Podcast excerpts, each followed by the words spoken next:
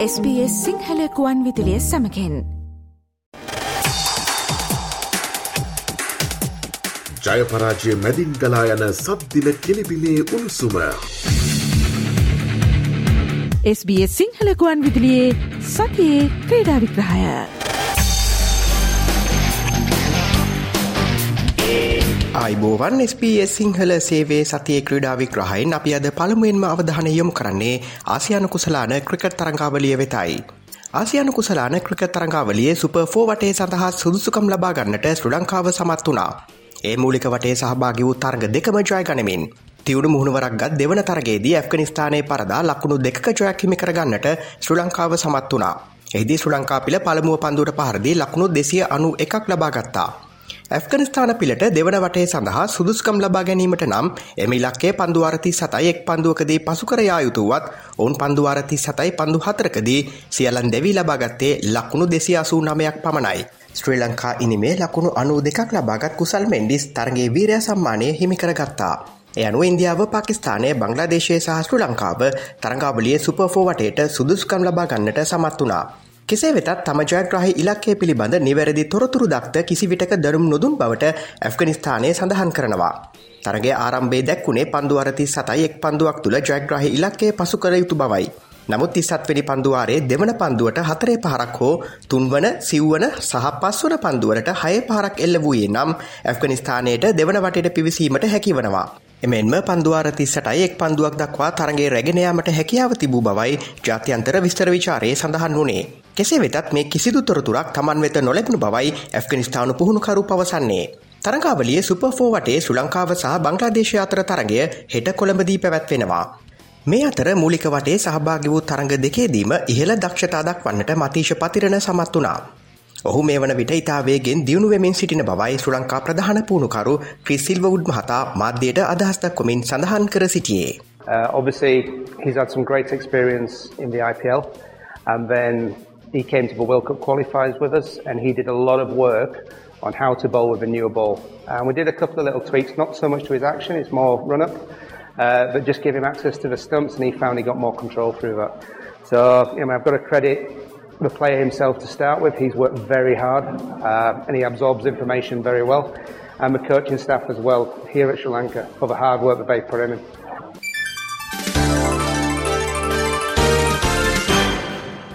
සංචාරක ශ්‍ර ලංකා කාන්තා ක්‍රිකට් කණ්ඩායම සහ එංගලන්තේ අතර පැවති T20 තරඟාවලිය දෙකට එකක් ලෙස ජයගන්නට ශ්‍ර ලංකාව සමත් වනා. එය අනු එංගලන්තේ පරාජය කරමින් T20 හෝ එක්දින තරංගාවලියක් ජයගන්නට ශ්‍ර ලංකා කාන්තා ක්‍රිකට් පිළ සමත් වූයේ ඉතිහාසේ පළවෙනි වතාවටයි. මෙහි විශේෂත්වය වන්නේ පළමු තරගේ පරාජයට පත්වීමෙන් පසුව ඉතිරි තරග දෙකම ජයගැනීමින් මෙම තරංගාවලිය ජය ගැනීමයි. දෙරට අතර දෙවන T20 තරගෙන් කඩුළු අටක ජයක් හිමි කරගත් ශ්‍ර ලංකා පිළ තුන්වන තරගෙන් කඩුළු හතක ජයක් හිමි කරගත්තා. තුන්වන තරගේදී එංගලන්ත පිළ ලකුණු එකසේ දහයකට සියල දැවී ගිය අතර ශ්‍ර ලංකා පිළ කඩුළු තුනක් පමණක් දැවී එම ඉලක්කය පසු කර ගියා. එහිදී චමරි අතපත්තු ලකුණු හතලිස් හතරක් ලබා ගත්තා. ඒ අනුව තරංගාවලිය පුරාවට ලකුණු එකසියදා හතරක් සහ කඩුළු පහක් දවාගත් නායිකා චමරි අතපත්තු තරංගාවලියේ වීරයා සම්මානය හිමි කරගත්තා. දෙරට අතර තරඟ තුනකින් සමන්විත එක්දින තරඟාවලිය හෙට ආරම්භවීමට නියමිතයි.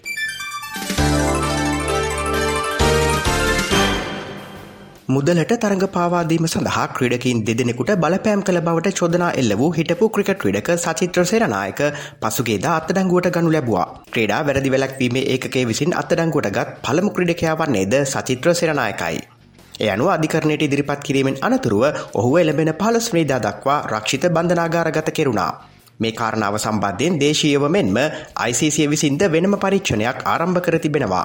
ශ්‍රී ලංකාව තුළ මේ වන විට මේ අපරාධ වරදක් වන අතර වරදකරු වුවහොත් රුපියල් මිලියන සීයක් නොයික්ම වන දඩමුදලකට හෝ බරපතල වැඩ සහිතව වසර දහයක සිර දඩුවම් පැනවීමට හෝ එම දඩුවම් දෙකටම ලක්වීමට හැකියාව තිබෙනවා.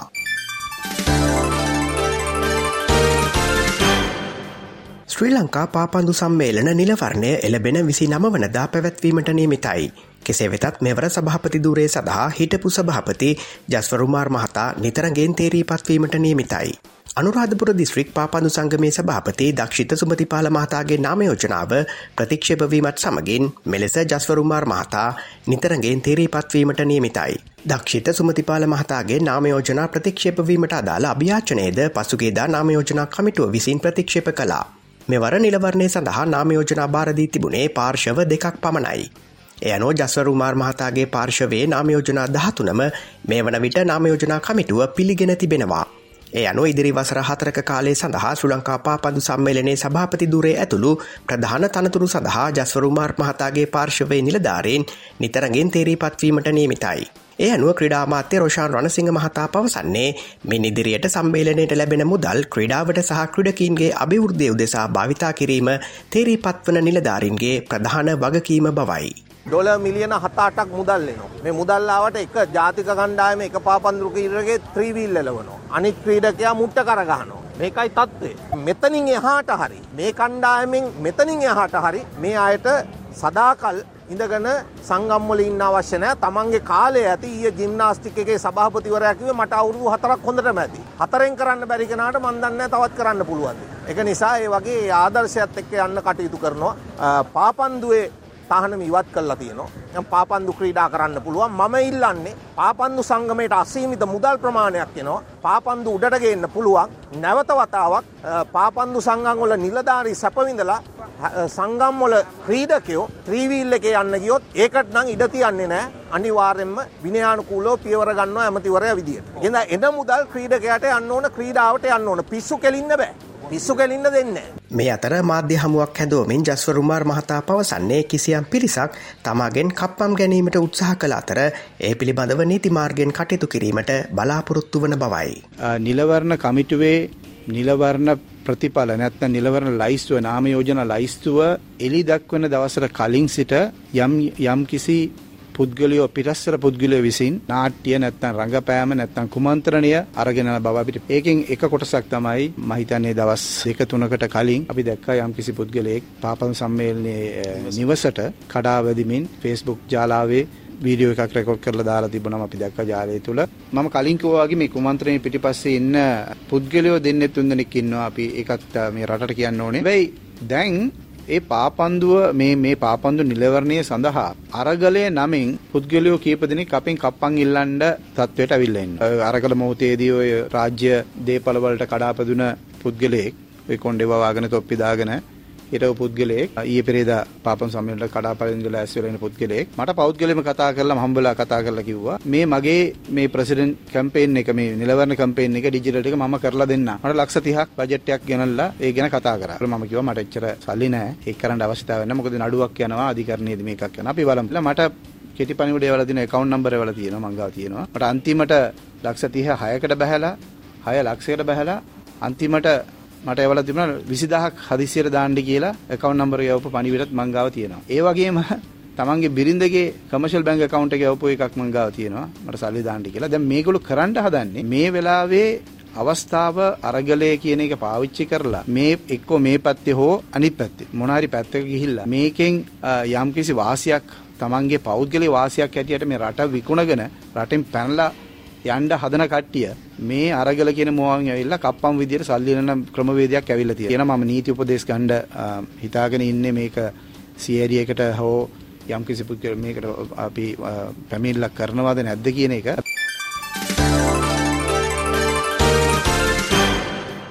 SBS සිංහල සේවේ සතිය ක්‍රඩා විග්‍රහයෙන් අපි දැන් අවධාන යොමු කරන්නේ ඔස්ට්‍රලයානු ක්‍රඩා පිටිය වෙතයි.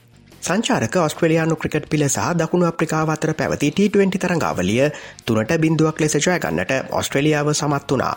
දෙරට අතර පැවති තුන්වන T20 තරගෙන් ඔස්ට්‍රලියාවට කඩුළු පහක ජයක් හිමි වුණා. දකුණු අප්‍රිකානු පිළ ලබාගත් ලකුණු එකසියානුව කඩුළු පහක් පමණක් දැවී පසු කරගිය ඔස්ට්‍රලියාව මෙලෙස තරංගාවලි ජයග්‍රහණය හිමි කරගත්තා. මෙම තරංගාවලේදී ඔස්ට්‍රලයානු පිළට නායකත් වෙලා බාදුන් මිචෙල් මාශ් තරංගාවලියේ වීරයා ලෙස තේරී පත් වනා. දෙරට අතර තරඟ තුනකින් සම්බන්විත එක්දින තරඟාවලිය ඊයේ ආරම්භ වුණා.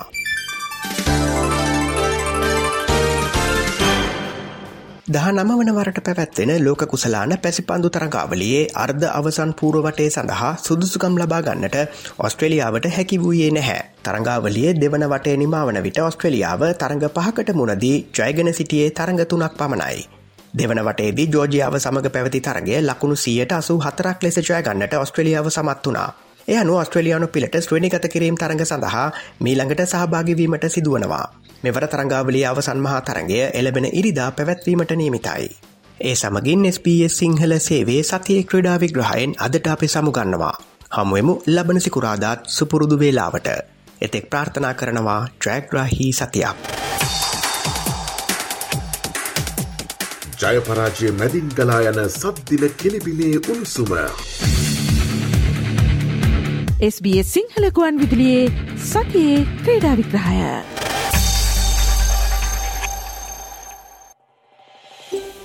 මේ වගේ තවත්තොරතුරු දැනගන්න කැමතිද. එහමනම් Apple podcast Google podcast Spotify ඔබගේ පොඩ්කාස්ට ලබාගන්න ඕනෑම මාතයකින් අපට සවන්දය හැකේ.